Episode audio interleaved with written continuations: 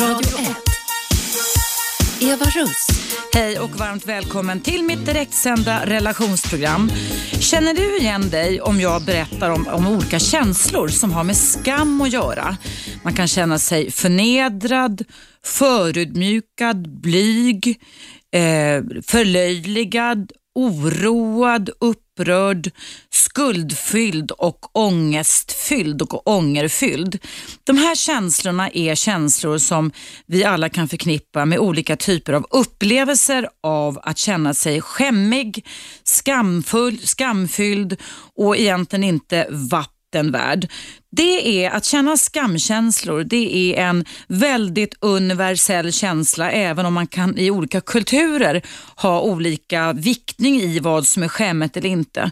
Men att som barn växa upp i en miljö där de personer som står en närmast inpräntar i hjärnans alla räfflor och spår att man inte är vattenvärd, att man är en person som är vidrig, äcklig, ful och någonting som man vill som barn, att ens föräldrar alltså tycker det och att man ska gå i princip och gömma sig undan folk. Det sätter verkligen sina spår. Men det finns en bra sak med det hela också, nämligen den att man kan faktiskt eh, komma ur sådana skamkänslor genom självmedvetenhet, genom att man ifrågasätter dem eller genom att man går till en sån som mig till exempel. Därför så säger jag jättevälkommen till Hanan. Tack. Välkommen till mig. Tack så mycket. Du är här därför att du har kontaktat oss på Radio 1 eller mig på Radio 1 och mejlat mig och beskrivit att du har haft hela ditt liv skamkänslor. Mm, det stämmer. Hur gammal är du? Jag är 38. Du är 38 år, ja. Kan du berätta lite, för du ska vara med mig hela tiden här idag och först ska du och jag berätta din historia och berätta lite hur sådana här skamkänslor faktiskt kan sås i ett litet barns huvud. Men sen så tänkte jag att under, efter, om en stund så småningom så kommer jag be dig som lyssnar att ringa in och berätta, ställa frågor till både mig och framförallt min gäst Hannan som har med skamkänslor att göra. För det är tyvärr ett ganska universellt problem. Många är så skamfyllda som man inte ens vågar prata om det. Och du sa till mig en sak Hanna innan du kom in här att det här är första gången som du överhuvudtaget pratar om det. Mm, på, alltså offentligt, i, offentligt ja. ja. Precis. Men nu gör du det och det är också en, en, en del i terapin kan man väl säga också. Ja, ja men precis. Alltså, jag växte upp i en, en eh, familj, en dysfunktionell familj med mm. en känslomässigt skadad mamma mm. som utsatte mig för psykisk och fysisk misshandel. Eh, och eh, Jag blev ju väldigt skammad då av min mamma eh, på ett väldigt nedvärderande och aktivt sätt. Kan du berätta vad din mamma gjorde med dig? Jag ser att du får tårar i ögonen här. Det får jag också faktiskt. Ja. Det är, alltså, väl, det är väldigt svåra barndomsupplevelser du mm. ska beskriva nu, men det är viktigt att du är här och det är viktigt för andra att de får ta del av din historia. Mm. Alltså min mamma var ju, eh, kan jag bara först börja med att berätta, att hon, rent utåt så var hon en väldigt eh, vacker, charmig, verbal, karismatisk kvinna som, och väldigt social. Så utåt sett så kunde man ju inte på något sätt tro att det var någon, något fel. så. Men inåt, alltså inom hemmets väggar, mm. så var hon ju helt det motsatta. Mm. Ehm, och det, det var ju väldigt, eh, det, det, var ju de här två vad ska man säga, världarna som jag också levde i. Att dels se henne som hon inte egentligen var utåt sett och så. Vad gjorde din mamma mot dig då? Ja, alltså det hon gjorde var ju hon nedvärderade mig. Om vi tar det här psykiska då, så, så var det väldigt mycket från väldigt tidig ålder att jag fick höra att, att jag var ful, att jag inte dög, att jag aldrig skulle bli någonting, att, eh, att det var fel på mig, att, eh, att jag... Alltså allt, allt det här negativa som, som då kanske fanns inom henne, men som hon projicerade på mig hela tiden. Mm. Och som mellanbarn och som barnet som också var väldigt likt henne, så tror jag att hon tyckte att det var väldigt tacksamt att, att, att använda mig som den största slagpåsen, även om mina andra båda syskon syskon också blir påverkad av det här såklart. Ehm, så att det var ju, mm, det var ju Alltså det var ju det här att växa upp i, i den här känslan att verkligen inte vara mm. vatt, precis, precis som du sa, att inte vara vattenvärd. Inte vara vattenvärd, nej. nej. nej. men precis. Och jag skämdes ju otroligt mycket för det här. Alltså för jag trodde ju på henne. Det, var, mm. det, henne det gör man ju som barn. Man, man, tror ju på att det föräldrarna berätt, coachar en med stämmer. Ja. Det finns ju inte en chans att man kan ifrågasätta det när man är liten. Nej, nej, nej men precis. Och, eh, och det här ledde ju till sen att jag var tvungen, alltså jag såg ju samtidigt ganska tidigt att det var någonting som inte stämde. Mm. Jag, jag, tror jag hade den förmågan att se att det här, det här, det här är liksom någon, någon slags fasad och så.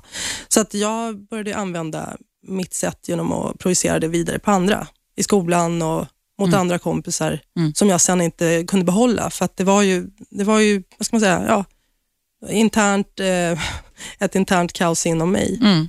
Du, när man växer upp som du har gjort, du har två syskon, ett äldre och ett yngre syskon. Mm. Var det inga som reagerade runt omkring över att en mamma till sina minderåriga barn, till, för hon var, hon var lika jävlig mot alla er tre barn, eller?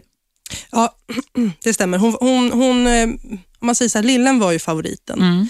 Och eh, min äldsta syster, hon, eh, ja vad ska man säga, hon, hon hon fick ju ta väldigt mycket också såklart. Eh, Men kallade hon dem också för fula, äckliga och vidriga som din mamma gjorde till dig, Hannan? Nog mest mig och min syster. Ni, ni blev kallade ja, eh, sen, ja. sen ni var små flickor ja, alltså? Ja, Hur, vad, vad, tog, de, tog de stryk också? Eh, din stora syster, många år mellan dig och henne? Det är bara ett år. Okej, okay, så mm. de var nästan, mm, var väldigt nära. väldigt nära. Men jag tänker, fast inte släktingar runt omkring som kunde reagera eller var din mamma så duktig så att hon hade de här två sidorna som du beskriver, att ett sätt utåt och ett sätt inåt. Där hon var en riktig sadist, skulle jag vilja kalla det för, mm. mot sina tre barn. Mm. Eh, jo, jag hade ju min morbror, mormor som kom in i bilden. Mm. Men alltså hon, min mamma höll ju hela familjen i ett järngrepp, så att alla var ju mer eller mindre rädda för henne. Mm. Sen finns en, en annan släkting då från mammas sida som eh, också såg på, men han, han var också väldigt eh, inkapabel att, eh, att eh, ja, eh, göra något åt det. Mm. Men däremot så var han ju väldigt duktig på att tala om för henne att eh, vänta och se, de här barnen kommer inte vara kvar i ditt liv sen när de blir äldre. Mm. Vilket stämmer idag. Eh, och, och, men mormor försökte ju väldigt mycket, men samtidigt så var ju hon väldigt medberoende till min mamma. Mm. Eh, och ja, nej men det, det gick inte alltid vägen och så. Mm. Så hon fick ju väldigt mycket skit också. Mm. Hanna, när du gick till skolan och bara tar lågstadietiden eh, med de här implanterade föreställningarna om att du var äcklig, ful och vidrig. Det är fruktansvärda ord som en förälder kan säga till ett barn eftersom eh, man är så beroende av, av hur ens föräldrar bemöter en och tonar in en. Hur, liksom, hur, hur såg din självbild ut? Hur tänkte du kring dig själv när du gick där som en liten sjuårig, åttaårig flicka? Jag vet inte om jag tänkte så mycket, men mm. jag vet att jag kände en självförakt. Mm. Alltså jag dög ju verkligen inte till på något sätt. Så att, eh, det, alltså jag, jag fungerade väl som barn, men samtidigt inte. För att just det här att, eh, att jag, jag kände inte att jag hörde till. Mm. Jag hörde inte till flocken på något sätt. Mm. Så att eh, nej, det, det, var en utanförskap som, som fanns där väldigt, väldigt tidigt. Mm. Och, och Man kan ju också få kroppsliga symptom, eftersom kropp och själ alltid hänger ihop och det säger jag väldigt ofta i mitt program att vi måste förstå att vi är psykobiologiska eller biologiskt psykiska, att allting får ett svar. Alltså kroppen får ett svar på hur man tänker och känner. Vad, fick du några symptom i kroppen av att gå omkring som liten flicka? Och även, vi ska följa ditt liv här, men jag tänker även upp i vuxen ålder och ha det här självföraktet inombords. Ja, jag minns att jag eh, gick väldigt jag eh, hade liksom ingen rak hållning. Mm. Och Det var väldigt många som kom fram och bankade mig på ryggen och sa, nu får du räta på ryggen. Mm. Eh, jag tror att det var en skamkänsla som jag bar på redan då. Mm. Att, att, att jag, det var en lutning på min rygg, så att jag, ja, och det tänkte jag inte så mycket på då. Mm. Men, men, senare så, så blev ju det jag var tvungen att, att, försvara mig, eller vad man ska säga. Mm. Det, ja. Och Då började jag använda mat som medel. Hur då? Eh, åt upp mig, helt enkelt.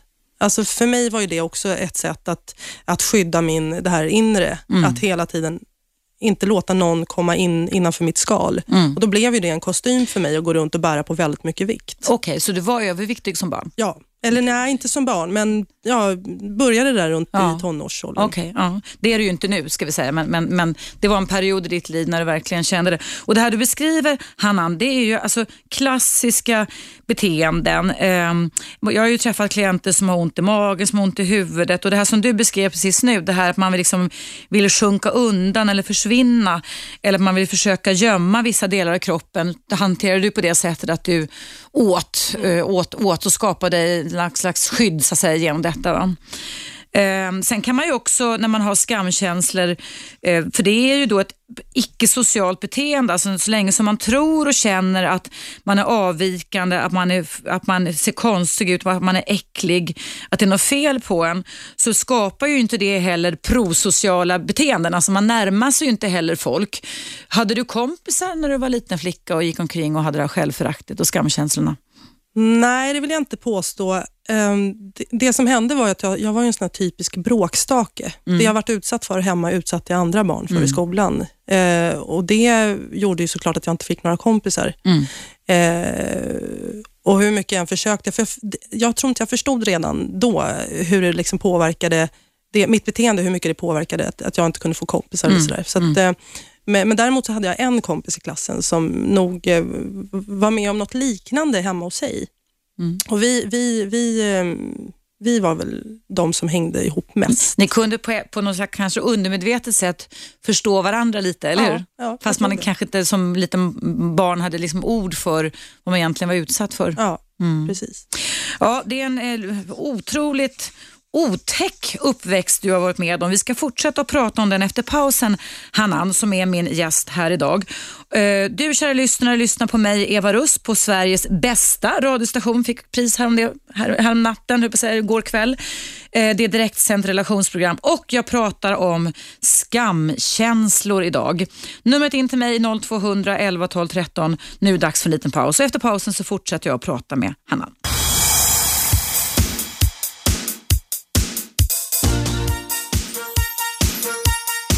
Radio 1. Eva Russ. Varmt välkomna tillbaka. Idag är ämnet skam och skamkänsla. Att känna sig äcklig, ful, vidrig och nästan hela livet, i alla fall tills man är vuxen, gå omkring och skämmas för det. Det har min gäst Hannan gjort, varit med om. Eh, Du är 38 år ung, eller gammal, beroende på hur man ser ung kallar jag det för.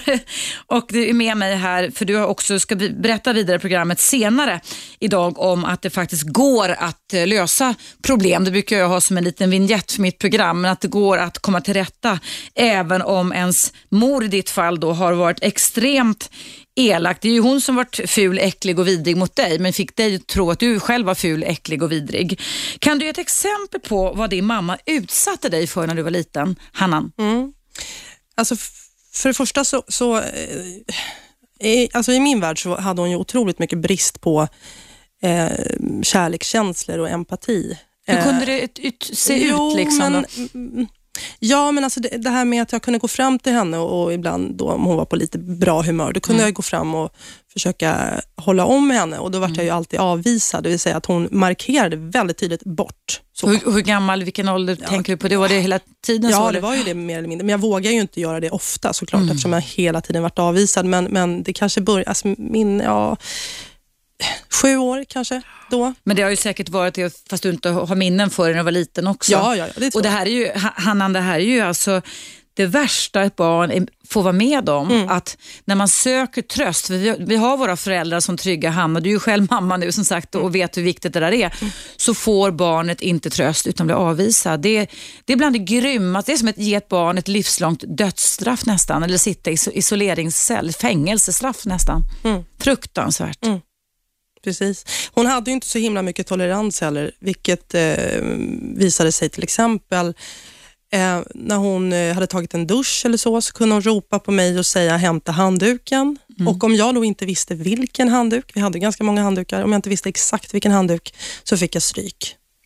Eh, och Det var ju också en sån här jätteobehaglig känsla att alltid trippa på tårna. Så kan jag dra ett annat exempel också som, som har satt sig väldigt starkt i mitt minne, just den här skiftningen med henne. Och Det var vid något tillfälle när någon, eh, en, en kvinna skulle komma hem till oss och lära min mamma att baka något slags bröd. Och i, I den här bunken så hade de hällt i mjöl och allt vad det var. Och så säger min mamma så här, häll i vatten. Hon talar inte om hur mycket, hon talar inte om om det ska vara varmt eller Mm. kallt och då är jag ungefär 9-10 år. Eh, vilket jag gör.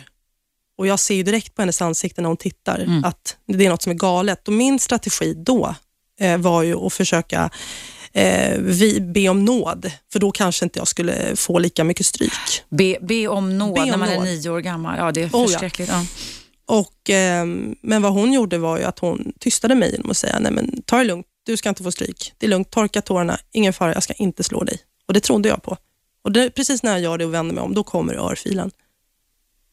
Så det var, väl, alltså det var hela tiden den här psykiska labiliteten som jag växte Du, må, upp du har ju gått, gått omkring och varit på spänn. Alltså man, Ja. man pratar ju om våra känslosystem och den här la, larmknappen som heter amygdala, som är den som aktiverar oss. Det, det tär ju extremt mycket på psyke och på kroppen att gå omkring och vara livrädd för vad ska min förälder hitta på mot mig nästa gång. Mm. Det, det här är verkligen ett extremt exempel, ska du lyssna veta, på en väldigt otrygg barndom och en eh, otroligt dysfunktionell förälder. Mm. Kan man verkligen säga. Var det några mer hemskheter din mamma utsatte dig för? Det här är så hemskt ändå, men, men jag tänker, Ja, gud, jag kan dra upp hur många exempel som helst, men om man säger i det stora hela så var det ju liksom så på heltid. Jag var ju till exempel sängvätare fram tills jag var 12. och det kan jag förstå, Ja. för, för det, det, det är sån otrolig stress att utsättas för det här som du har varit utsatt för.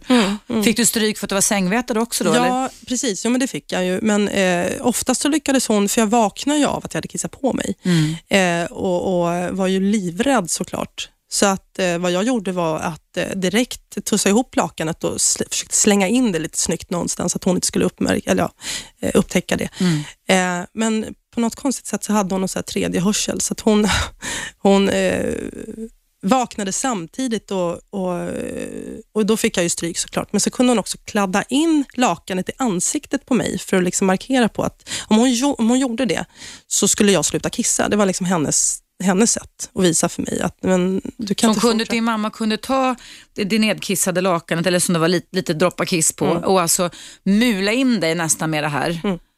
För att hon trodde att den tekniken skulle göra att du skulle sluta kissa på dig. mm. Det förstärkte ju bara egentligen Ja, det oh hela, ja. eller hur? Alltså Ja, det blir ja. bara värre och värre när man gör på det sättet. Absolut. Du sa något fruktansvärt till, till mig i pausen också, Hannan, nämligen att du blev slagen med sladdar, eller elsladdar. Vad sa du för någonting? Ja, alltså allt det hon kunde få tag i. Inte knivar och så, men, men eh, rep, sladdar, eh, slevar. Hon var väldigt mycket för att bitas också. Så jag hade ju bitmärken på kroppen. Eh, men jag tror att hennes favoritutdelning eh, var ju örfilar. Hon örfilade mig väldigt ofta och det kunde hålla på länge. Mm. Så det var inte bara en örfil. Åh, så förskräckligt. Du, eh, får fråga en sak? Ibland så kan ju när man är en liten flicka eller liten pojke också för den delen, skolhälsovård och lärare reagera och se att, att barn inte mår bra. Var det ingen som i din eh, omgivning i skolan som ändå kanske var en frizon från mammans våld mot dig och kränkningar som reagerade och undrade hur du mådde? Inget jag har minne av. Nej. Ingenting. Nej. Eller var det så att du var bra där också på att låtsas att allting var okej? Alltså jag var ju väldigt duktig på att täcka upp och mörka Mm. och spela teater. Och Mm. Det var ju min strategi såklart. Mm. För jag Det- skämdes ju otroligt. Det var ju så pinsamt att komma från en sån familj. Det var Mm. så pinsamt. Jag kunde nästan dö. Alltså så. Eh, men men, eh, men skolan, nej alltså på den tiden, jag vet inte, det här var ju början på 80-talet. Jag, jag var ju bara en bråkig unge. Mm. Bråkig unge, jobbig unge. Eh, och det, jag tror att någonstans så var det mitt sätt också att, att visa på. Det var, jag var ju som en tickande bomb, men det var ingen som fattade. Mm. Ehm, och det, det kan jag ju nu i, när man blickar tillbaka se att men herregud, det var verkligen ingen som fattade någonting. Och det värsta av allt var ju att vissa gånger så ringde de hem för att tala om hur vidrig jag var på, i skolan. Och då var det ju ännu värre. Och ibland kunde jag be skolan att inte ringa hem.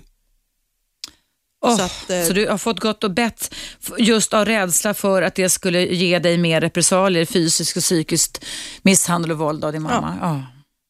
Ja, du som lyssnar där ute, det här är ett exempel på också hur man faktiskt också kan bli. Man ska förstå hur beteenden uppstår hos barn som är stökiga, jobbiga, slår andra. Så är ju faktiskt det här som du beskriver just nu ett exempel på sambanden mellan en uppväxt där man inte hade någon aning om. Du sa att din mamma var lite så här jetset, hon var snygg, hon var drivande utåt sett. Hon hade två olika personligheter kan man säga.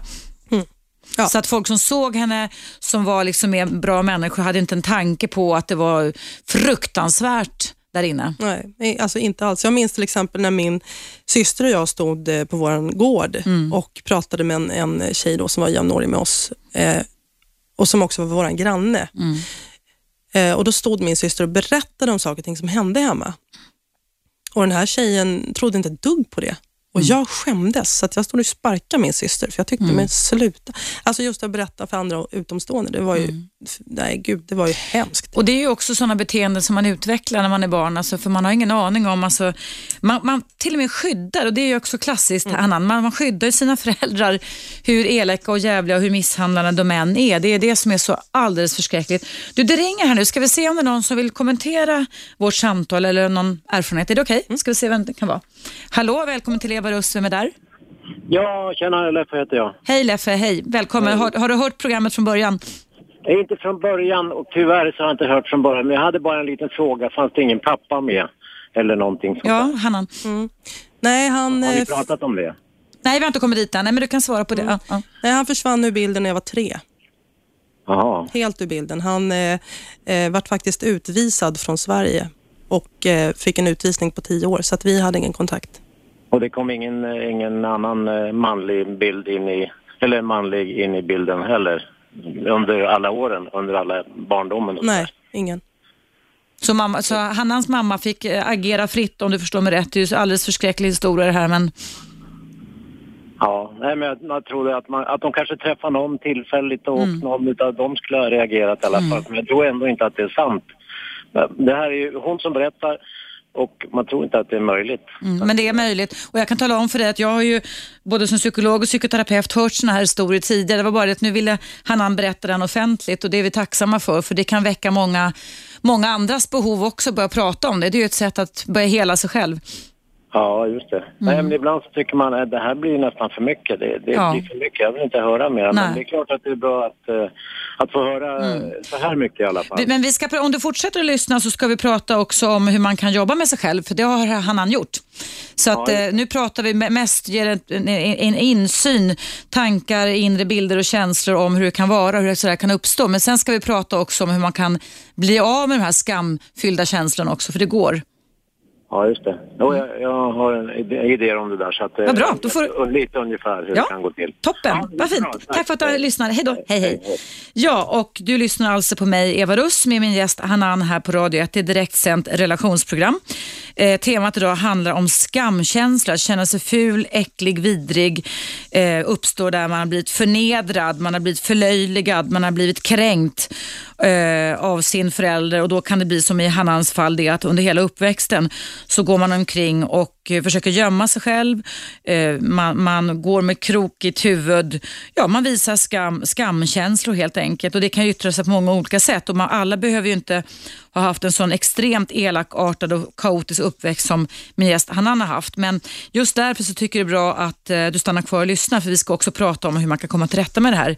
Men nu är det dags för nyheter på Radio 1, Sveriges bästa radiostation.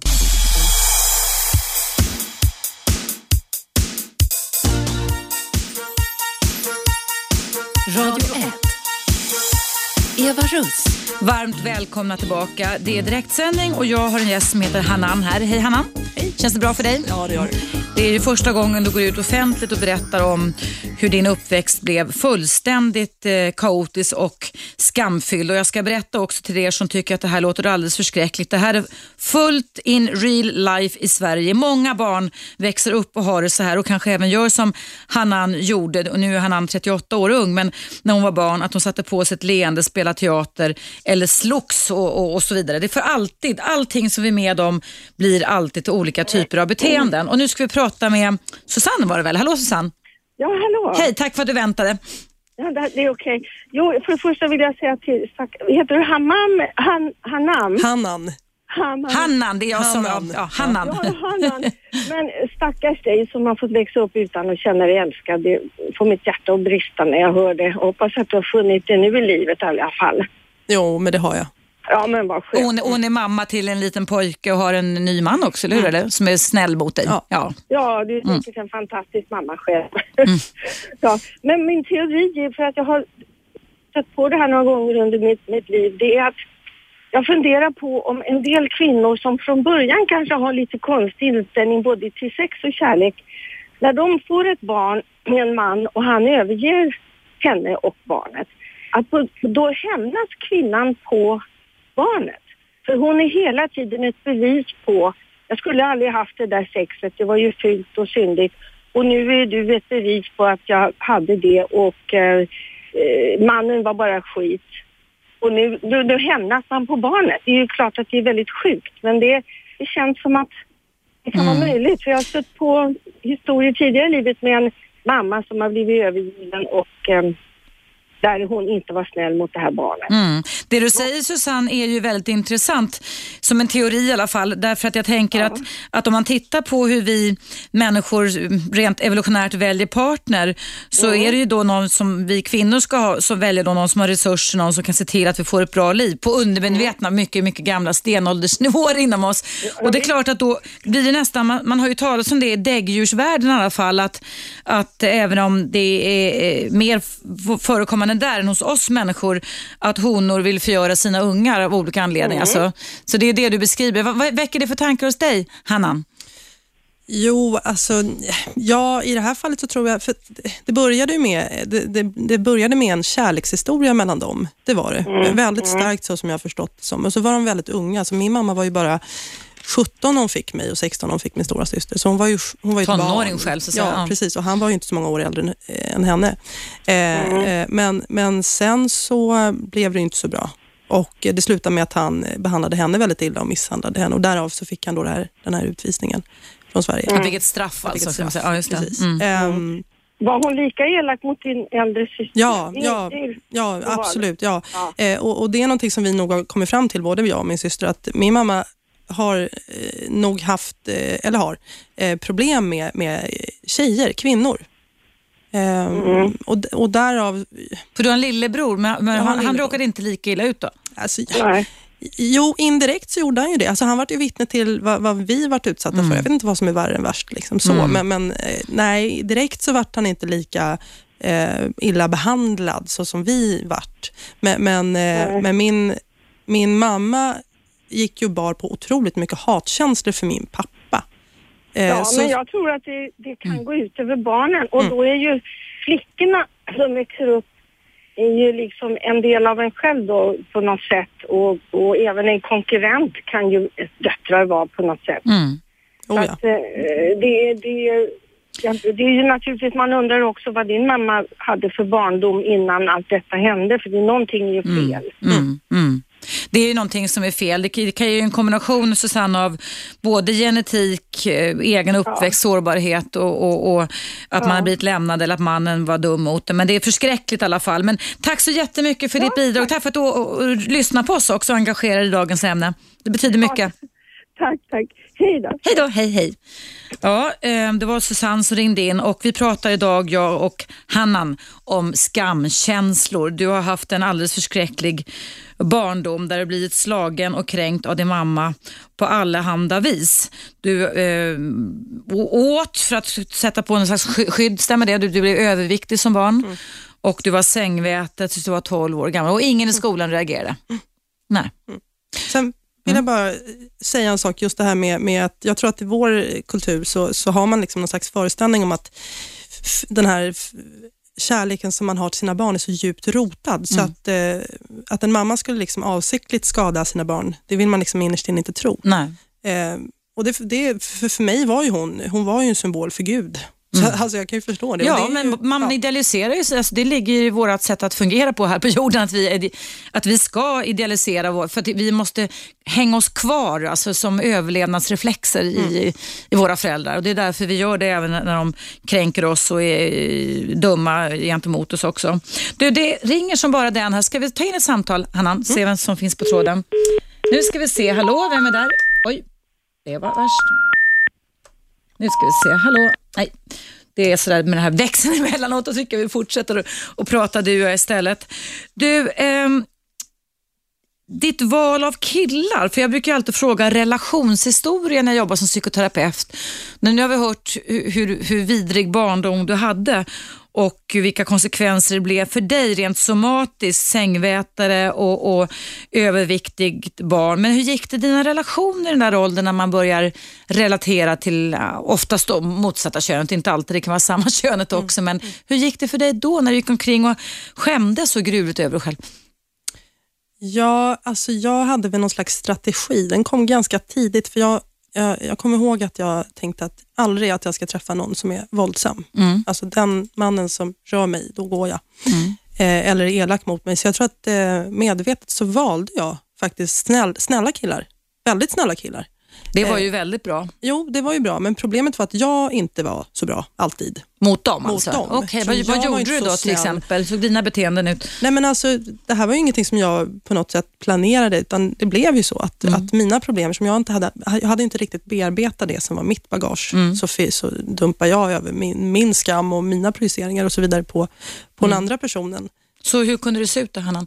Vad gjorde du? Ja, men det kunde vara någonting att, att jag hade gjort något fel till exempel och inte kunde ta ansvar för det. Mm. Ehm, det var en sån här klassiker. Att jag, jag hade jättesvårt att se mig själv i spegeln och säga, men det, nej, men det, var, det var jag. Mm, Jag okej. tar mitt Mm. ansvar. Mm. Utan hela tiden liksom skjuta, skjuta det åt sidan. Eller, Och det du beskriver nu Hanna är ju jätteintressant därför att i ditt hem med den här mamman som du växte upp med, din biologiska mamma ska vi säga också, som satte som eh, livstema att förpesta tillvaron och kränka sina tre barn, så var du ju extremt till lagsinställd istället. Där sa du ju väl ursäkta innan du ens hade gjort något nästan. ja, Eller hur? Så där var det, alltså, och då blir det tvärtom med ditt relationsliv. Exakt. Att där säger du nej, där ber du aldrig om ursäkt istället. blir nej. väldigt stubborn som man säger liksom Ja. istället, eller hur? Precis. Så man, så man utvecklar olika, det är intressant där, man utvecklar verkligen många olika typer av beteenden. Och vi ska fortsätta prata om skamkänslor och vilka konsekvenser det får Eh, efter pausen som kommer här. Du lyssnar på Radio 1 i mitt eh, direktsända relationsprogram och numera så är vi Sveriges bästa radiostation. Ni ska veta, vi är så stolta här idag på Radio 1 som fick det stora radiopriset igår på radiogalan. Eh, men nu är det dags för en liten paus och vill du ringa in i pausen och prata med min gäst eller med mig kring just skamfyllda känslor, att man känner sig skämmig, ful, äcklig och vidrig, då är numret som vanligt förstås 0200 11 12 13.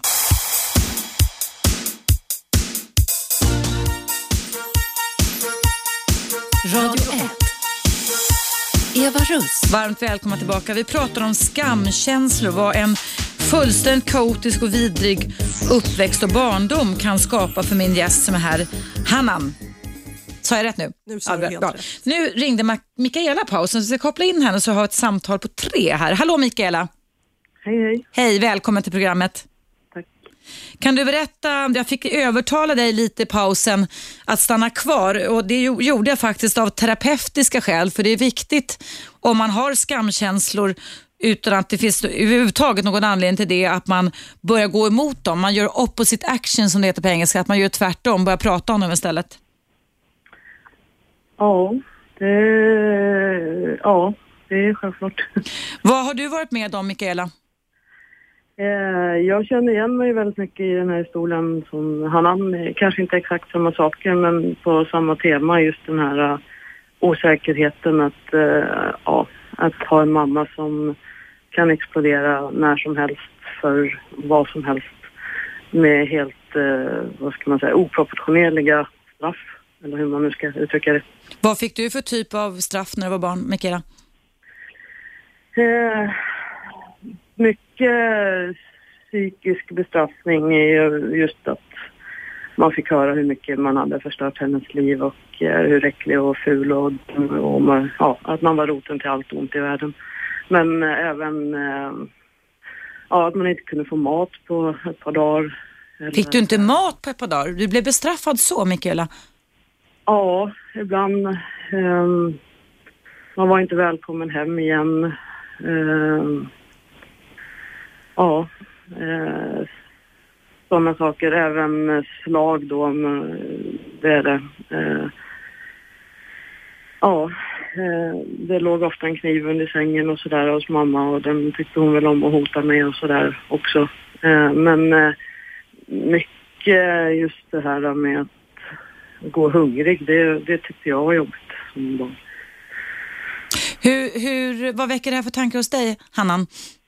Ja, det är, ja, jag vet inte vad jag ska säga. Det är ju fruktansvärt. Jag, alltså, ja, jag, jag, jag har faktiskt inga ord om jag ska vara ärlig. Alltså, Jag förstår ju någonstans att alltså, det, det är jättemånga där ute som har en fruktansvärd historia, men ja, just det här med maten och ja, fick du ing, det var ingen som hjälpte dig Mikaela när du var liten och din mamma betedde sig så här vidrigt mot dig?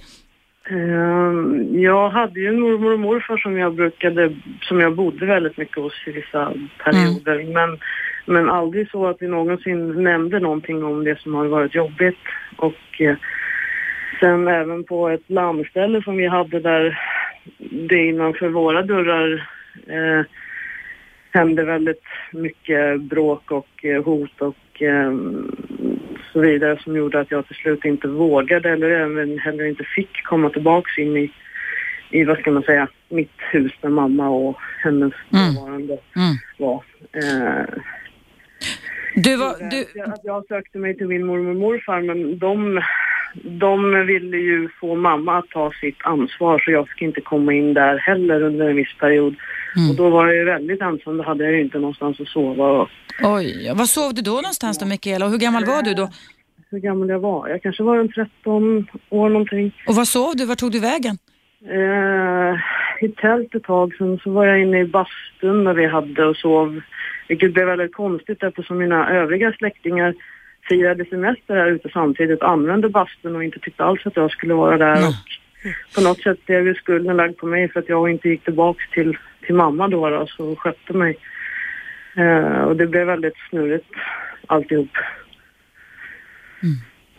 Blev det ju. Men du, SOS reagerar inte då på den här um, behandlingen i din familj mot dig? Nej, jag har aldrig haft någon kontakt med SOS eller så. Det var ingen som syntes utåt så. Jag hade resultat i skolan, idrottade, jag gjorde liksom inget större problem. Mm. Jag vet att det syntes på vissa sätt och vis. Och jag tror väl även att, jo jag blev ju vägskickad till någon sån här i skolan då som jag skulle prata med men när jag kom hem så fick jag ju höra att jaha du har varit och pratat med, ja vad hon nu hette och då förbjöd ju mamma mig att gå dit så jag vågade ju inte gå dit.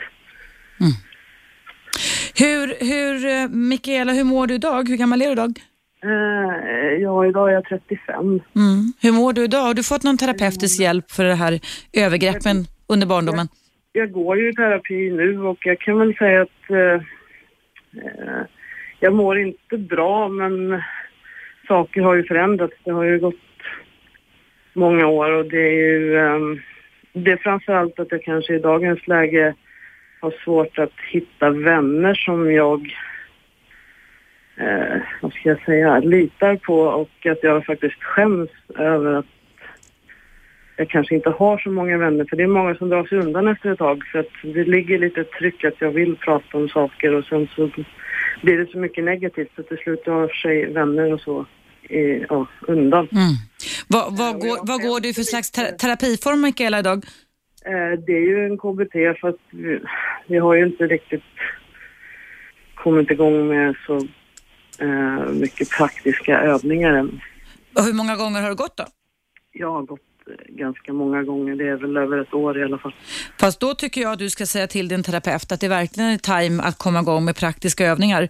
Det är det man ska börja jobba med efter kartläggningen ganska snabbt. Det brukar jag komma igång med efter ungefär fyra, fem första te- terapitimmarna med, med att jobb, jobba med det. Men Jo, det är nog inte han, det är nog mer att det har kommit, det har kommit mycket annat emellan med dödsfall och, och en, en svår separation från mitt ex och mycket annat som har kommit i vägen så jag har väl inte riktigt... Okej, okej. ja, ja.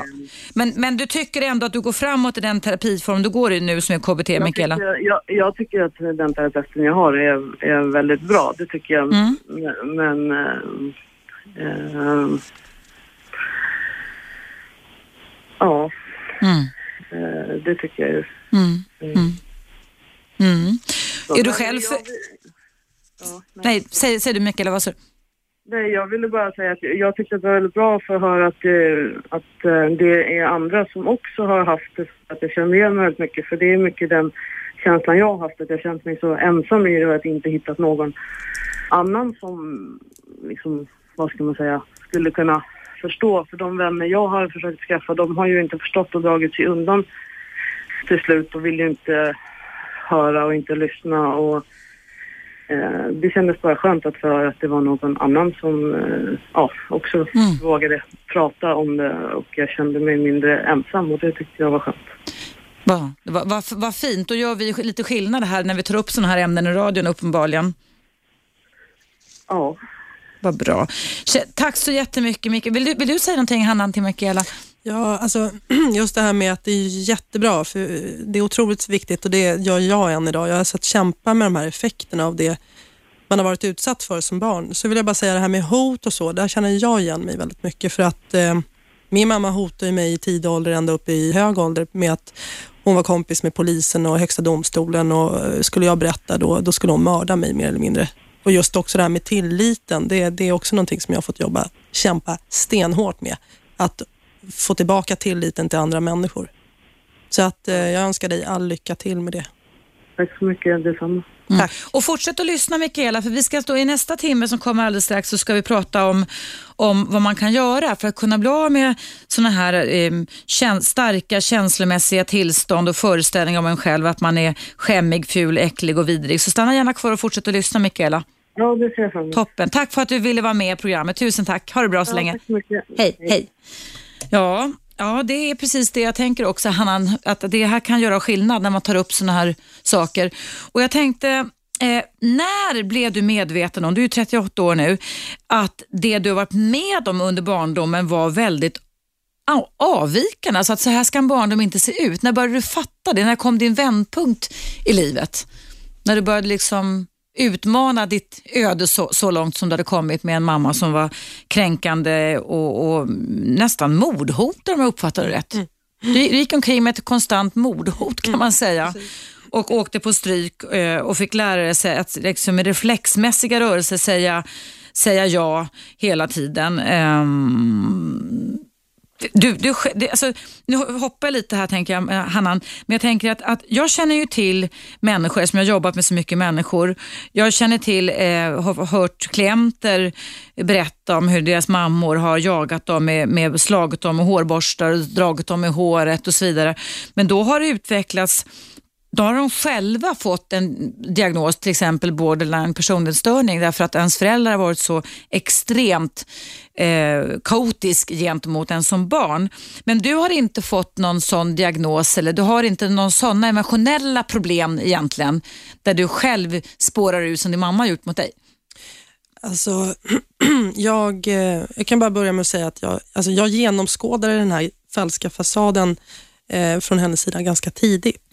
Jag kanske var tio, så att det, förstod jag. Och sen, men jag, också, jag hade ju också förmågan att, att stå ut eh, med, med det här jobbiga.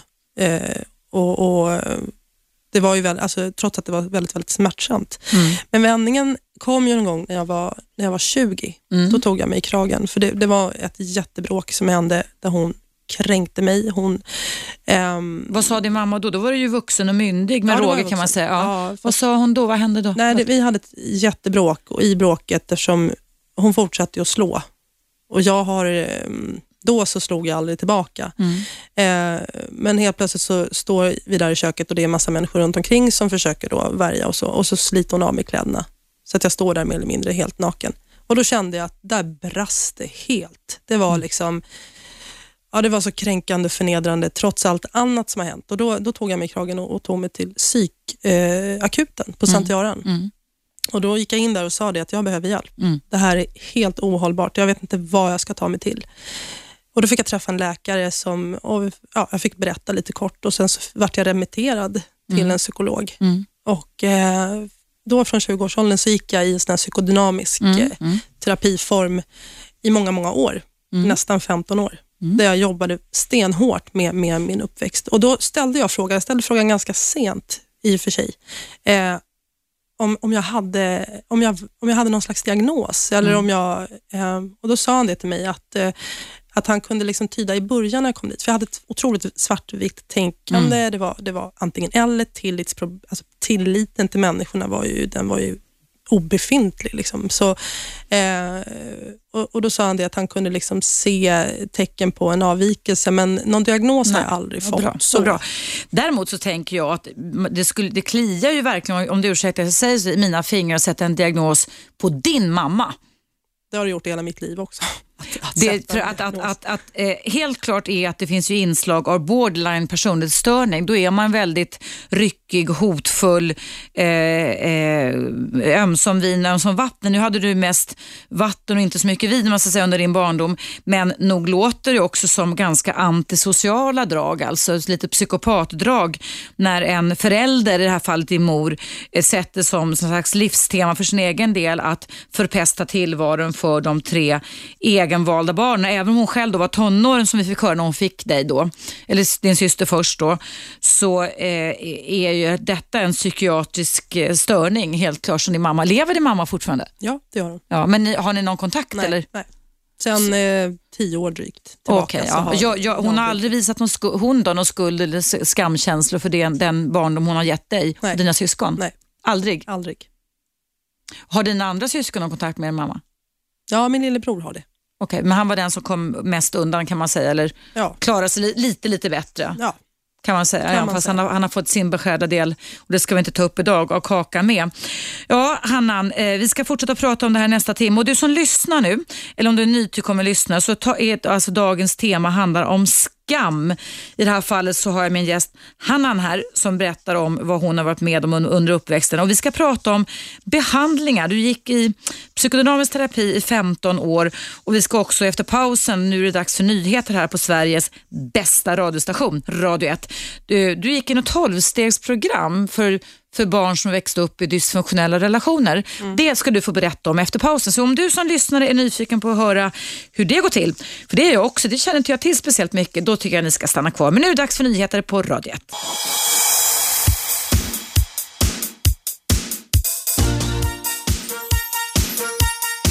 Radio 1. Eva Russ. Varmt välkomna tillbaka. Det är direktsänt eh, relationsprogram idag på Sveriges faktiskt då bästa radiostation, Radio 1. Jag heter Eva Russ och min gäst heter Hannan. Hanna är det. Det gäller för mig att kunna uttala det.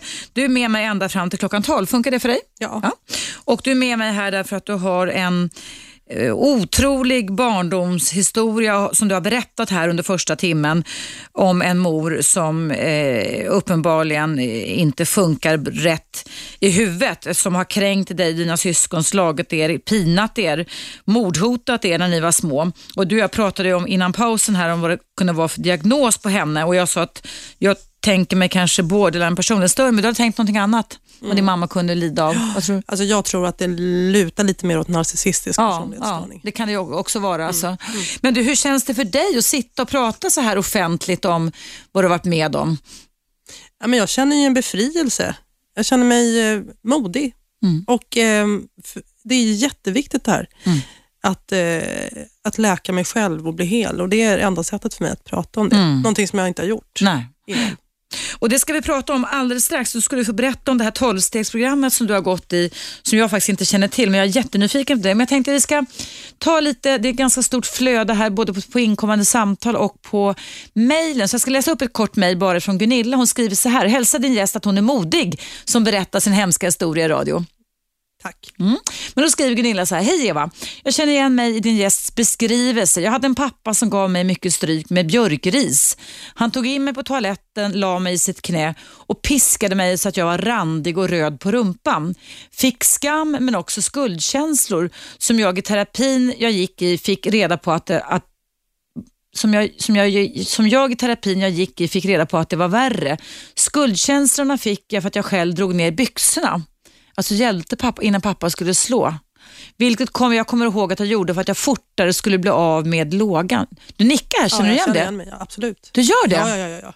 För att eh, det jag känner igen mig i är att eh, som, som min mamma var så var det ju så Ja. att om jag grät Ja. eh, innan jag fick stryk eller om jag ja, gjorde precis det hon tyckte att jag skulle göra så gjorde Mm. jag det med ilfart för att eh, lindra på smärtan. Då stämmer, åh herregud. Då fortsätter Gunilla så här, jag plockade själv fram riset och gav till min mamma som hon berättat för mig. Det är så gör barn, så gör av rädsla för att Eller förhoppning Man- på att det inte får att det lika inte ska mycket bli något. stryk. Ja. Mm. Och så fortsätter Gunilla så här, hon, det måste vara mamman då, hon berättar för mig som vuxen att jag kom med riset och hon frågade vad hon skulle med det till. Jag svarade att det, det ska ni ge mig när jag är elak. När mamma berättade det sa hon, hör och häpna, att hon tyckte att det var sött och att hon inte visste om hon skulle skratta eller gråta.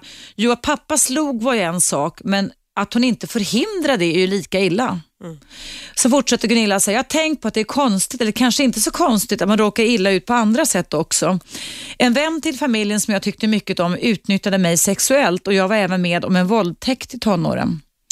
Elaka tanter på barnhem som jag var och även på ett sommarhem som jag vistades på. Men jag har också mött mycket snälla människor på dessa ställen och även en fröken i småskolan som bjöd mig hem till sig. Eh, en vårdare på barnhemmet tog med sig mig upp till sitt rum när de andra somnat, bjöd mig på saft och bullar, kramade mig och talade om hur fin jag var och sa att det var vår hemlighet och att jag inte skulle berätta för någon. En annan var min granne, en snäll farbror som alltid tog mig i sitt knä och hade små presenter till mig. Min mormor var också en fin liten, liten gumma som jag älskade. Vi var tre systrar och senare en bror som är mycket yngre än jag, men det var bara jag som var utsatt, trots att jag var en sån snäll liten tjej.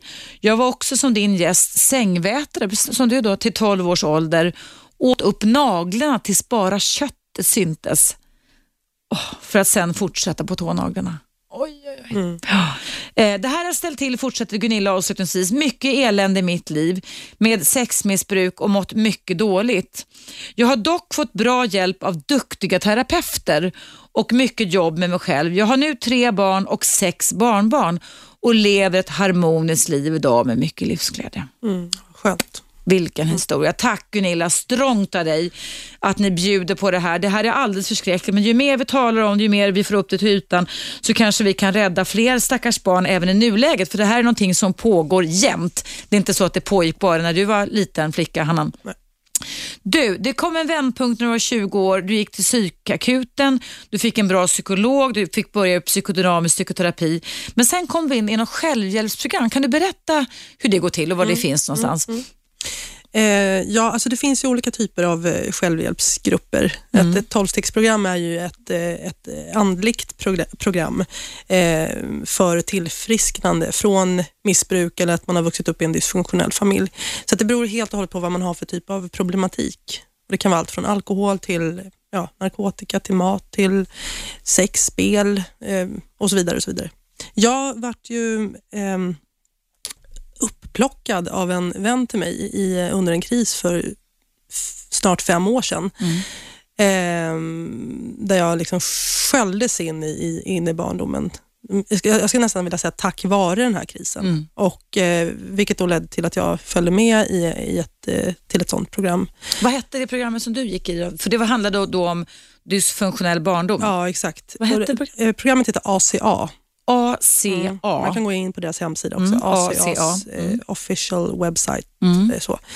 Eh, Finns här i Stockholm? Det finns här i Stockholm, det finns på lite olika ställen. Mm. Eh, så att man kan gå, in, och det finns även i hela landet. Och ehm, Du, har du en aning om vad står ACA för? alltså Först stod det för AC, alltså först hette det ACOA, alltså Alcoholic, um, ska säga, Alcoholic Children, ACOA.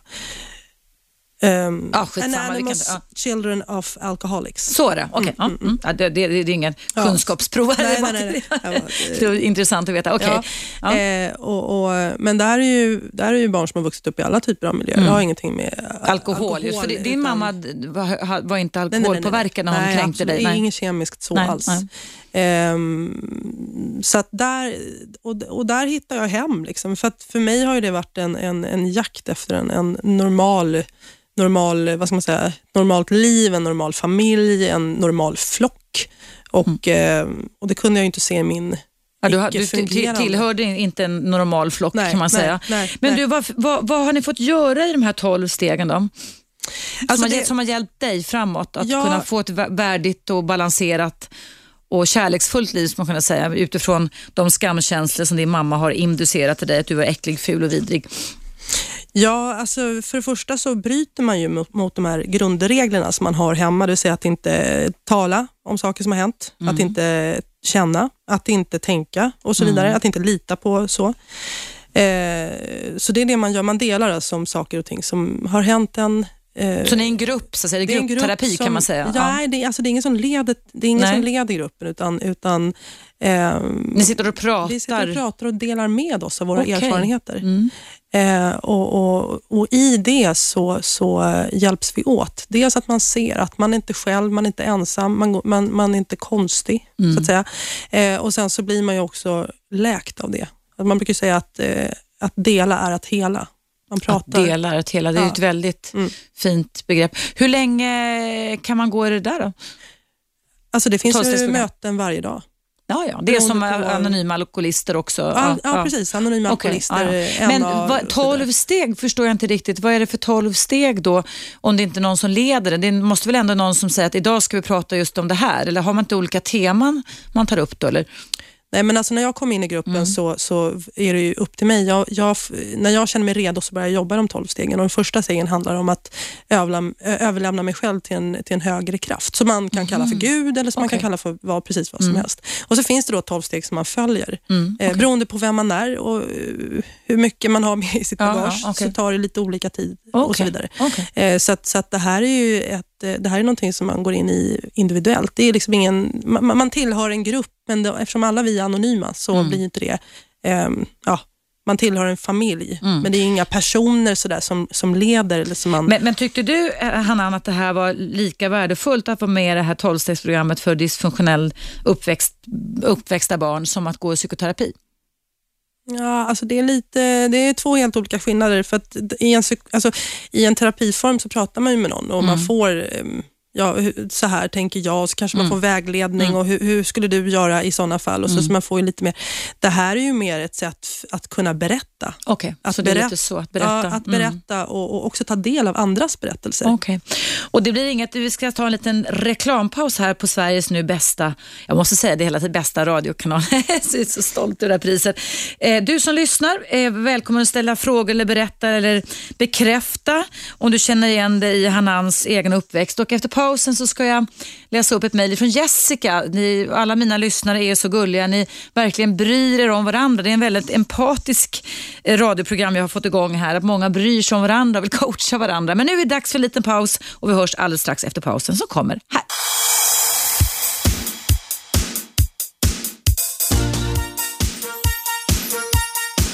Radio Eva Russ. Välkomna tillbaka. Jag och Hannan sitter här och eh, berättar om hennes eh, hemskt dysfunktionella, destruktiva mamma och uppväxt som ledde till att du, Hannan, fick tampas ända tills du var 20 år och bestämde dig för att eh, göra någonting åt det med oerhörda skamkänslor över all, all skit som jag kunde säga som din mamma har ställt till för dig med att kalla, kalla sitt barn fult, vidrigt, äckligt och nästan mordhotade under upp, uppväxten. Och så sitter du här, jag kan beskriva för er som inte vet hur Hanna ser ut. Oerhört vacker, ståtlig, vacker kvinna, fantastiskt hår, har vackra ögon och väldigt piffiga gröna örhängen som jag genast frågade. vad du. Ja, De ser otroligt snygga ut och du berättade att du hade köpt dem i Farsta hörde jag. Eh, Så är ju vi kvinnor lite sådär, vi ti- tittar på varandra. Du, hur känns det så här långt då? Att sitta och prata offentligt om någonting som du har skämts och känt skam över eh, halva ditt liv i alla fall så här långt. Jo, men alltså det slår ju mig att eh, hade jag varit 20 jag hade aldrig ens satt min fot i porten här nere. Inte en chans. Nej. Så att eh, jag har ju kommit väldigt långt och det, det, känns, det känns jättebra. Det gör.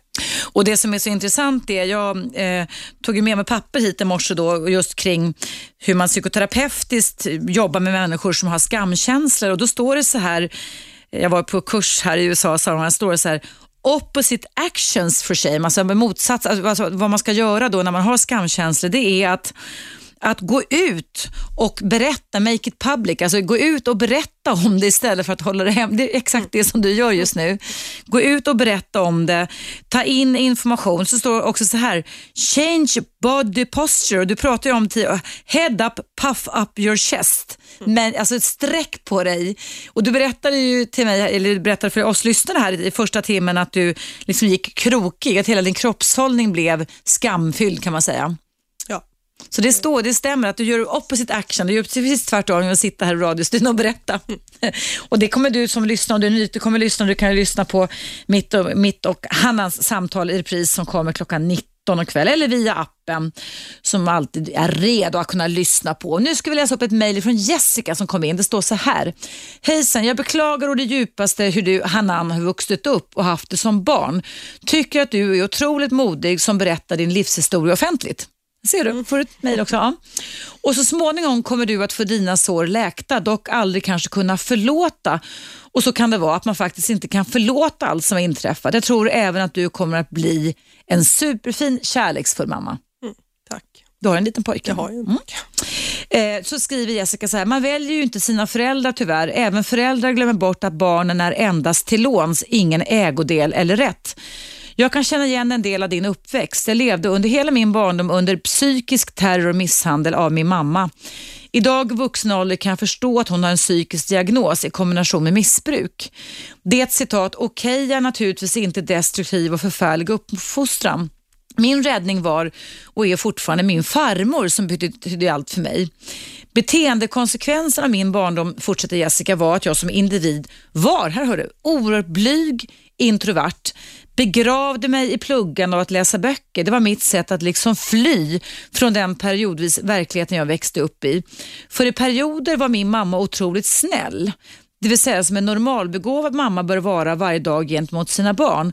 Och Då väcktes alltid hoppet och tron om att citat, nu blir allting bra, snällt och lugnt hemma. Men jag in, insåg ganska snart att så, var, att så var inte fallet. Mitt sätt att gå igenom detta, säger Jessica, då, har varit att allt ifrån terapi, tala öppet om det, parentes, vilket jag inte gjorde förrän i vuxen ålder, vilket har varit en otrolig pers, skuld och skam genom åren. Såklart att man som barn tar åt sig och tror att det är ens själv det är fel på och hur ska man annars tänka? Som barn har man ju inte många andra referensramar, kanske inte heller andra bra, fina vuxna förebilder. Jag har även, säger Jessica avslutningsvis, plöjt igenom böcker och pluggat om missbruk, psykologi med mer för att öka min egen kunskap och förståelse kring det som har hänt. När jag fick mitt första barn relativt ung gjorde jag ett aktivt aktivt val att inte följa det så kallade sociala arvet utan att bland annat uppfostra mitt barn precis tvärt emot min mammas sätt. Många säger att det inte går att bryta det så kallade sociala arvet men det gör det visst det med rätt verktyg och stöd. Lycka till i framtiden Hanan och tack Eva för dina intressanta program. Mm. Du sitter och nickar här, du ser ganska jo, men... nöjd ut. Berätta vad det här väckte för tankar och känslor hos dig, Jessicas eh, mejl in till oss. Jo, men det, jag kan ju säga samma sak just det här med hennes farmor där som var hennes räddning. För mig var ju min mormor min räddning. Mm. Alltså jag har ju verkligen min mormor att tacka för att jag överhuvudtaget står upp. Mm. Um, och det här med att, jag, att vara introvert, det var ju ett kännetecken för mig långt upp i åldern. Mm. Um, som jag sen också bröt och blev åt andra hållet väldigt mm. social och så. Mm. Eh, men just det här med att eh, alltså bryta det som jag har varit med om nu när jag själv har en liten pojke som är tre år, är jätteviktigt för mig. Alltså jag är ju mer... Eh, jag är på på ett helt annat sätt. Alltså jag är medveten om saker och ting jag gör och eh, väljer verkligen inte någonting av den vägen som jag fick. Mm eller den fostran jag fick. Nej, nej.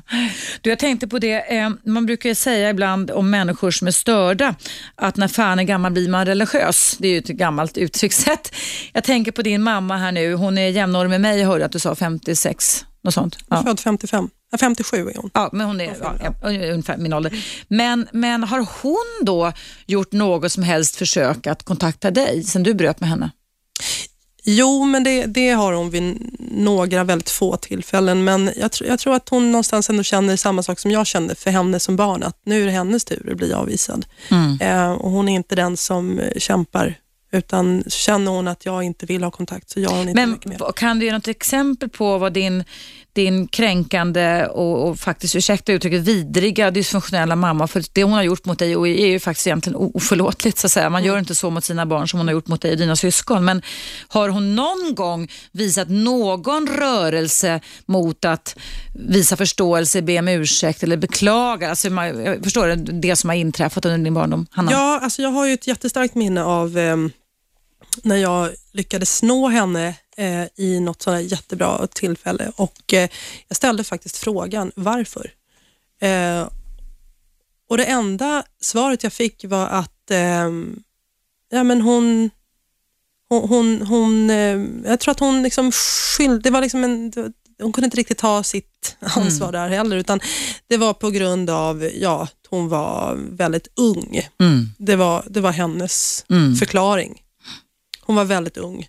Och, eh, men, Och det var hon ju i och för sig. Ja, ja, Hon var ju inte ens myndig. Men det var blev- liksom aldrig någon, så här, någon, någon slags förklaring utifrån att jag, eller, eller f- hon bad ju liksom aldrig om ursäkt. Mm. Nej, det är, eller- Nej. man brukar säga bri- bristande självinsikt är ju en del i personlighetsstörningar, så det är väl det som är. Jag ska läsa upp, det väller in mejl här angående det här. Då. Jag ska läsa upp Hanan då, till dig. Det står så här ifrån Nina. Vad är det för fel på människor? Frågetecken.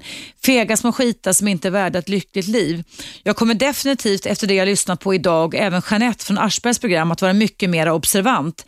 Hellre vara för noga och undersöka saker en gång för mycket än, än en gång för lite. Allt för att kunna rädda ett litet barn från de sjuka människorna. Som mamma tar jag oerhört illa vid mig. Hur kan man göra så med sitt eget barn? Frågetecken. Man borde införskaffa föräldrakörkort på samtliga för att inte missa de sjuka människor som inte har alla hästar hemma. Hade mitt hem varit stort nog hade jag och min familj tagit mig an alla dessa barn som far illa av sina sjuka föräldrar eller medmänniskor. För jag vet att mitt hjärta är stort nog att ta emot alla. Stor kärlek till alla som är i mardrömmen just nu och ni som blivit drabbade. Var inte rädda att söka hjälp om ni kan. Det kan bara bli bättre utan det ni har idag. Ja, men så är det ju. Tack alltså, Nina. Mm. Mm. Jag, jag hade ju själv väldigt eh, låga förväntningar på att folk skulle hjälpa till. Mm. Det hade att göra med att det var ingen som slog larm någonstans. Mm. Vare sig skola eller SOS eller även bekanta för den delen. Så att, ehm, ja, jag vet inte. Tyvärr lever vi ju inte i ett idealiskt samhälle. Nej. Så att, eh, men absolut, mer civilkurage. Eller hur? Och, att, att, att, nu, nu, och att, att man törs, men som sagt, det är ju också så att dysfunktionella familjer vårdar sina system lite, så att säga. Eh, det blir liksom nästan murar runt omkring det här och det här att man alltså går, dels att barnen är så lojala mot sina föräldrar så att de, som i tidigare brevskriven här, att man tar fram kvasten innan man ska få stryk. Eller att du ber om ursäkt innan din mamma hoppar på dig med sladdar och slog dig för att du trodde att det skulle, eh, man lägger sig platt som sagt. Va? Man, och så. Ja, det här är alldeles förskräckligt. Du som lyssnar, som vill prata med Hanan som är min gäst idag, vi pratar om skam, hur skam kan sitta i kroppen och kan leda till att man kan få ett ganska li, lidande liv, men att det också går att bryta det med genom självinsikt, terapi, psykologi, andra medmänniskor. Ring in numret är 0200 11 12 13. Nu är det dags för nyheter här på Radio 1, Sveriges bästa pratstation.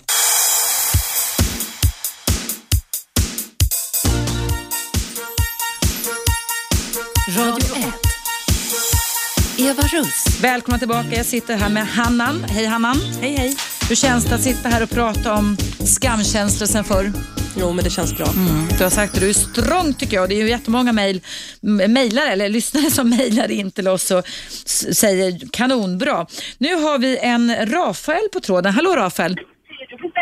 Hallå? Nej, det är jag inte. Jag tror det. Jag jag inte tänka Sorry, sorry. Oj, hallå Rafael.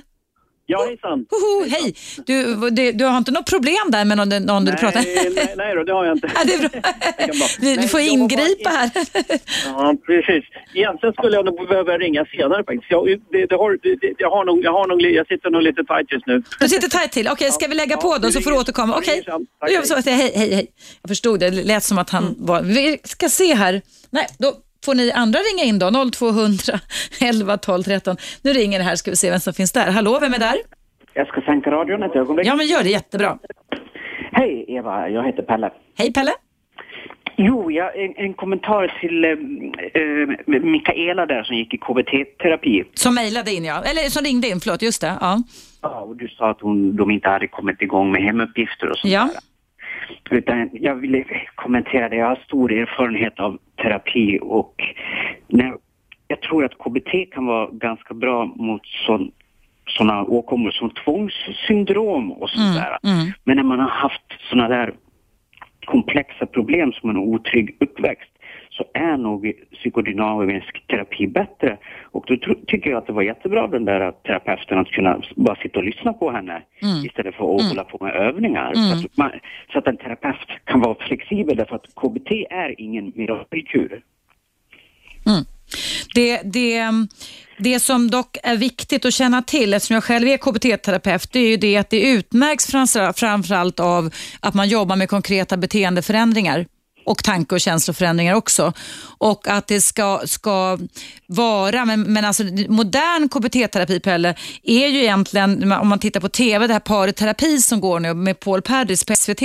Jag känner honom. Där jobbar han med någonting som heter schemafokuserad terapi. Det, det är en Jeffrey Young i USA som har, jag har gått hos honom en kurs också. Och där kombinerar man faktiskt både lite psykodynamiskt, för det ser man i TV, och KBT. Mm.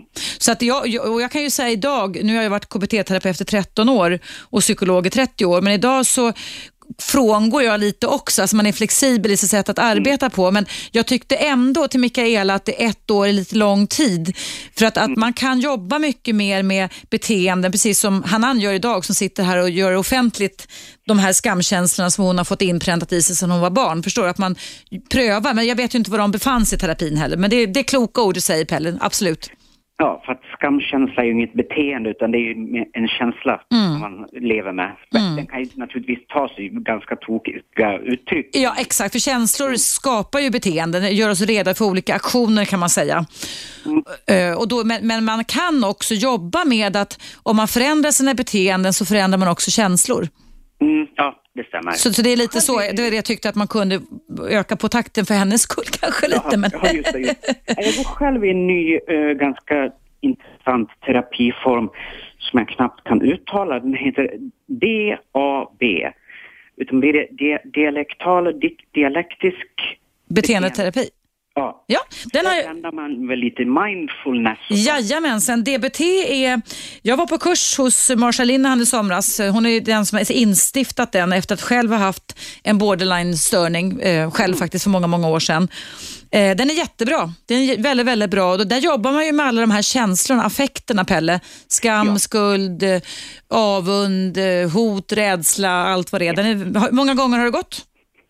Eh, jag ska gå på fjärde sessionen imorgon och jag har redan börjat implementera de här ehm, jag är här och nu. Så när Just det, dis- just det, När, ja. när jag står och diskar så tänker jag att jag står och diskar. Då tänker jag inte på mina misslyckanden eller hur oroligt det ser ut i framtiden utan jag står och diskar, jag står och diskar och det funkar faktiskt. Det funkar och det är det som är utmaningen för oss människor, att vara mer här och nu och att inte älta för mycket gammalt eller leva i katastrofer i framtiden. Liksom. Mm, precis. Men vad roligt att höra. Men du, då kan väl du höra av dig till mig och berätta för du, hur går din terapiform på sikt? Det vore kul att få följa med dina egna upplevelser av DBT. Är, den är 24 veckor lång så jag kan skriva till dig. Ja, men gör det. Ja, Kanon. Adressen är hit är ju evaradio1 Tack för ett jättebra program. Tack själv. Tack för att du ringde in och att- för att du lyssnade på oss också. Tusen tack.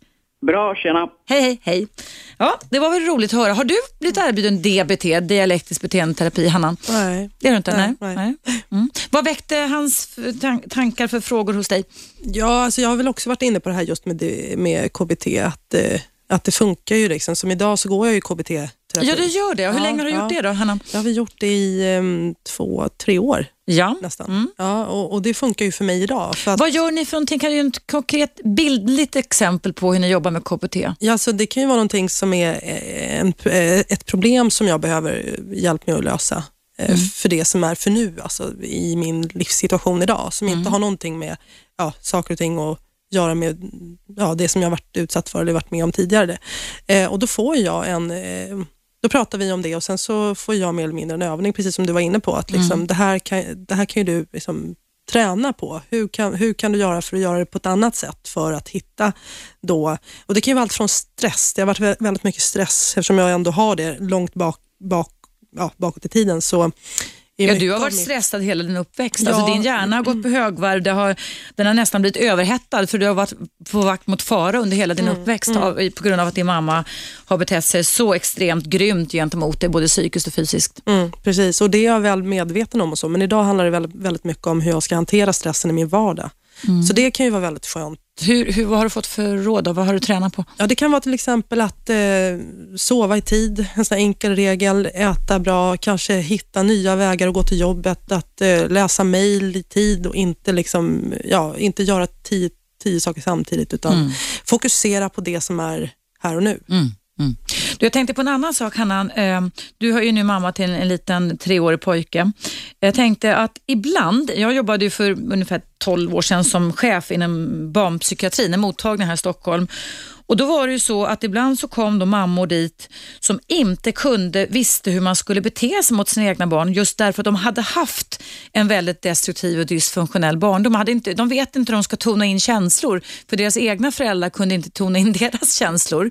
Och Då fanns det en metod som man fortfarande använder som heter Marte Meo. Marte Meo kan ni googla på som lyssnar. Men du har inte haft något problem att eh, relatera och knyta an till din lilla pojke? Tack och lov inte. Nej. Eh, jag, jag tror att det har lite att göra med dels kärleken som jag fick av min egen mormor, att jag har, Mm. jag har det med mig också i ryggsäcken, att jag kan ta fram det. Men eh, sen har jag jobbat väldigt mycket med barn, förskolor och skola. Mm. Sen kan jag ju säga att min mamma fick ju två ytterligare barn med en annan man eh, när jag var 16 år. Och De har ju lite varit mina små barn. Det var ju väldigt mycket min, min roll där, att jag gick in och såg till att inte hon skulle behandla dem precis som hon behandlade oss. Så jag hade ett otroligt vakande öga över dem. Så att, och så var det så att de fick vara hos mig, att de fick vara hos mig eh, väldigt mycket när de var väldigt små. Och Det var också ett sätt för mig att, jaha, men så här är jag. Så här kan jag vara som mamma. Men har du, har du kontakt med dina småsyskon idag? ja. Ja. Har ni kunnat prata om era Nej. upplevelser under barndom? Nej, Eller? nej. Men det kanske är nästa steg för dig rent terapeutiskt, att du bekräftar för dem det som de antagligen har upplevt också. För det, det är väl en ganska liten chans att din mamma ändrar sina beteenden, eller tror du? Ja, alltså jag har ju försökt prata med dem om, Mm. om det. Jag har ju försökt eh, sträcka fram en hand, men, men eh, de är ju precis som jag var. De är ju jättelojala mot henne. Och, och det är Mm. Hur gamla är de nu, dina småsyskon? Min lillebror är 20 och min lilla syster är 18. Fast då är ju de så pass stora så du skulle kunna göra det. Du kan ju fun- fundera på saken, du behöver inte göra allt som jag säger här. Du, det är dags för en liten paus här på Radio 1 och vi kan väl säga Hannan, du är med mig ända fram till klockan 12 eller 11.57 när Aschbergs Bäst av Aschberg träder in här. Eh, ni kan ringa in och prata med Hannan eh, om ni har upplevt samma sak eller om ni vill ha råd hur ni ska göra för att kunna bryta ut ur de onda cirklarna när man har haft en träntas in en föreställning om att man är en sk- skämmig person som är totalt betydelselös. Numret är 0200 11 12 13. Nu är det dags för en liten paus här på Radio 1.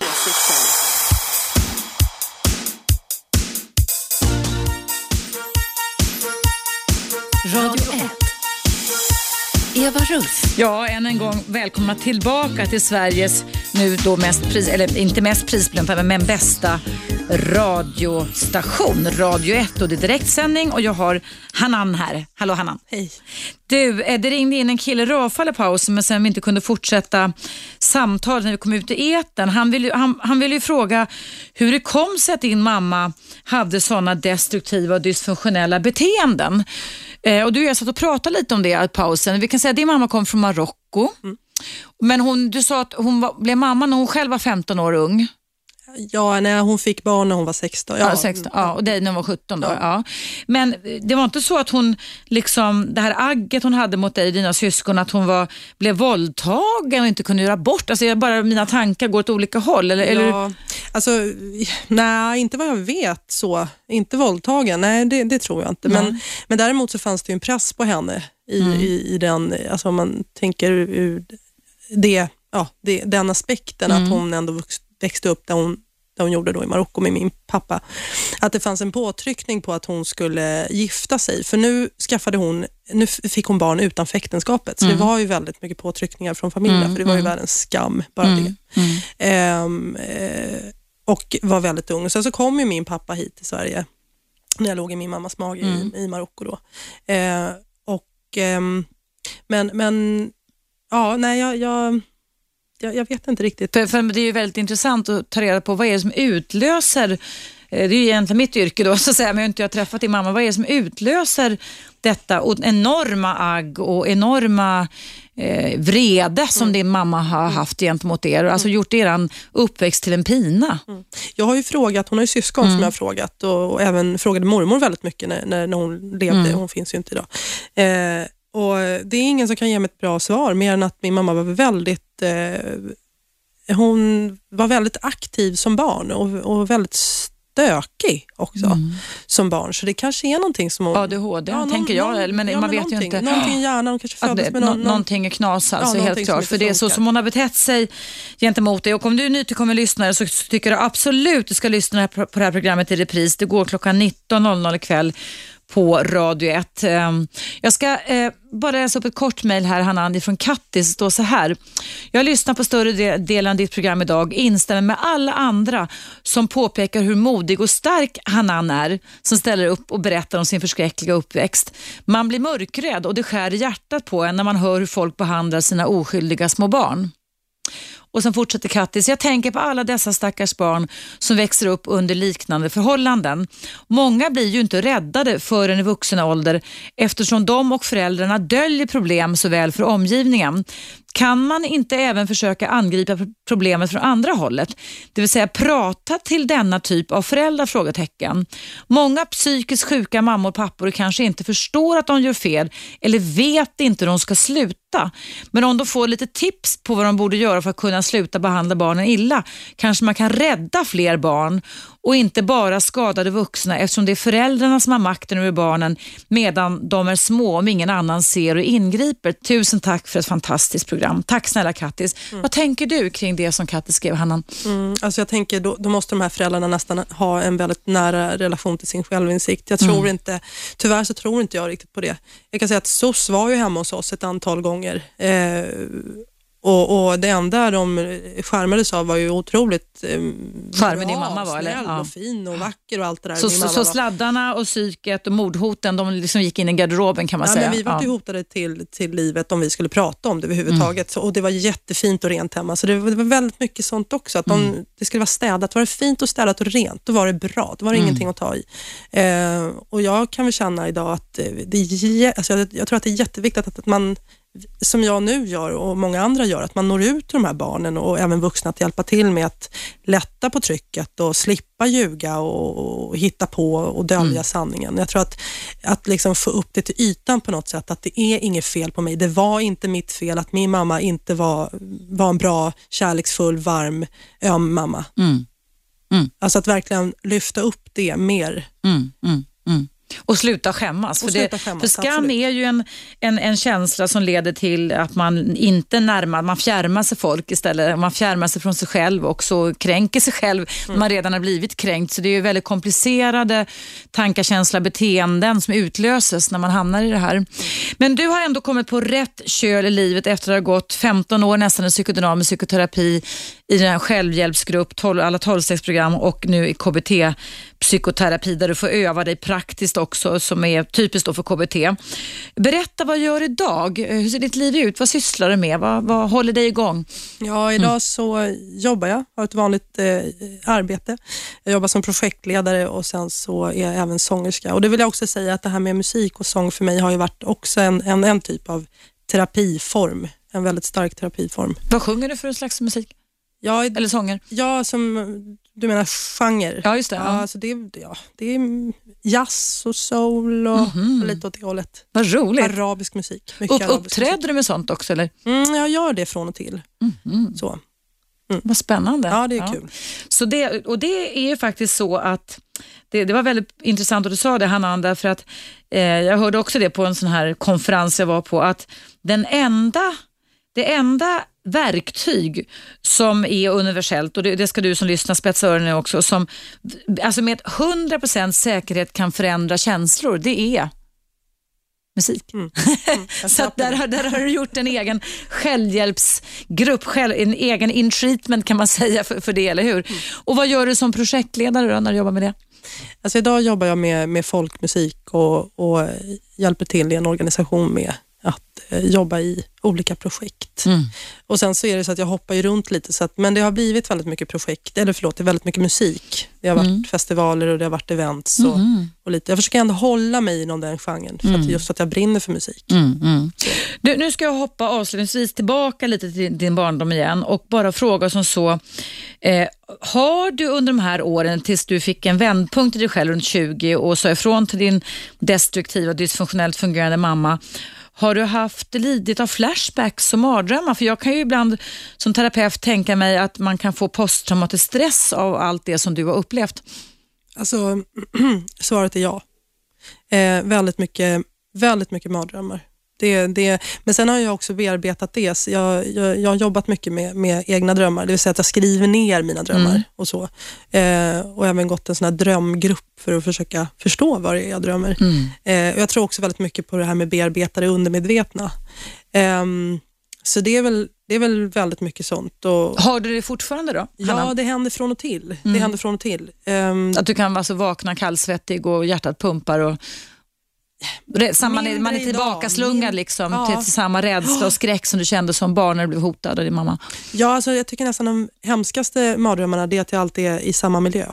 Att du inte har tagit därifrån Nej, alltså. Ja. och det, det gjorde jag också för inte så länge sedan. Jag, jag tog mig dit. Jag tog mig dit och knackade på dörren och frågade den här familjen om man kunde komma in och titta och förklarade att jag hade bott där. Och Det var också ett sätt för mig. Så, så försvann de här mardrömmarna. Vilken bra, var det din egen uppfinning? att göra? egen- det var ju ja, fantastiskt. Jag hade drömt om det så otroligt Det är också att det här att göra motsats, alltså opposite action, att Mm. göra det motsats, att gå tillbaka till det här och så att hjärnan kan lugna ner sig lite av att Mm. du får se hur det ser ut idag. Och då var det väl kanske då, ja, det vet man ju i och för sig inte, då, en harmonisk familj som bodde där som det, det oftast inte syns så att säga. Men Nej, nu visar det sig att eh, familjens eh, lilla flicka hade jag tagit hand om i en förskola för jättelänge sedan. Så att det, det var ganska lustigt. Ja, mm. ja, det var lustigt. ja, det var jättesnällt av dem att släppa in mig. Och så. Mm.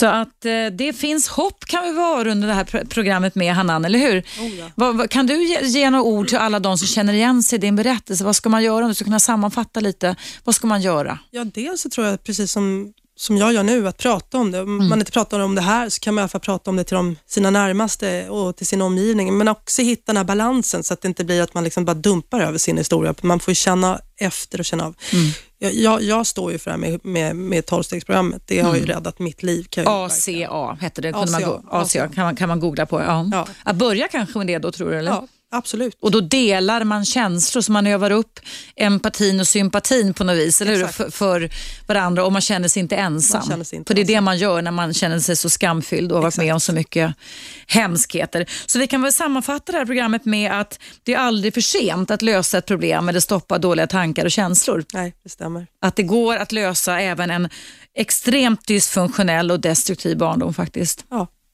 Du Hanna, det var fantastiskt att ha med dig i det här programmet. Hur tycker du det känns nu då när Jo, vi ska det- avrunda? Ja, Ja. Jo, men det känns jättebra. Du ser väldigt, du, du har sett väldigt glad ut hela tiden men du ser lätt, lite lättad ut för det är ju alltid en anspänning det också att prata om sådana här saker. Eh, och du som lyssnar kan alltså lyssna på det här programmet i repris klockan 19.00 på Radio 1 och du kan också ladda ner appen och lyssna på den och även på Radio 1 Play. Eh, därmed är det slut för idag. Jag tackar alla er som också visar en enorm empati och sympati och vill hjälpa och stötta och bekräfta både Hanan som var här idag men även andra problem, mänskliga relationsproblem som jag tar upp i mitt populära relationsprogram.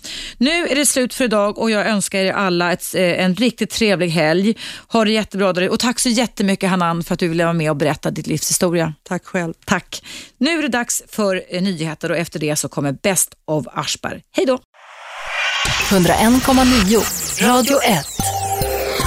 Sveriges nya pratradio.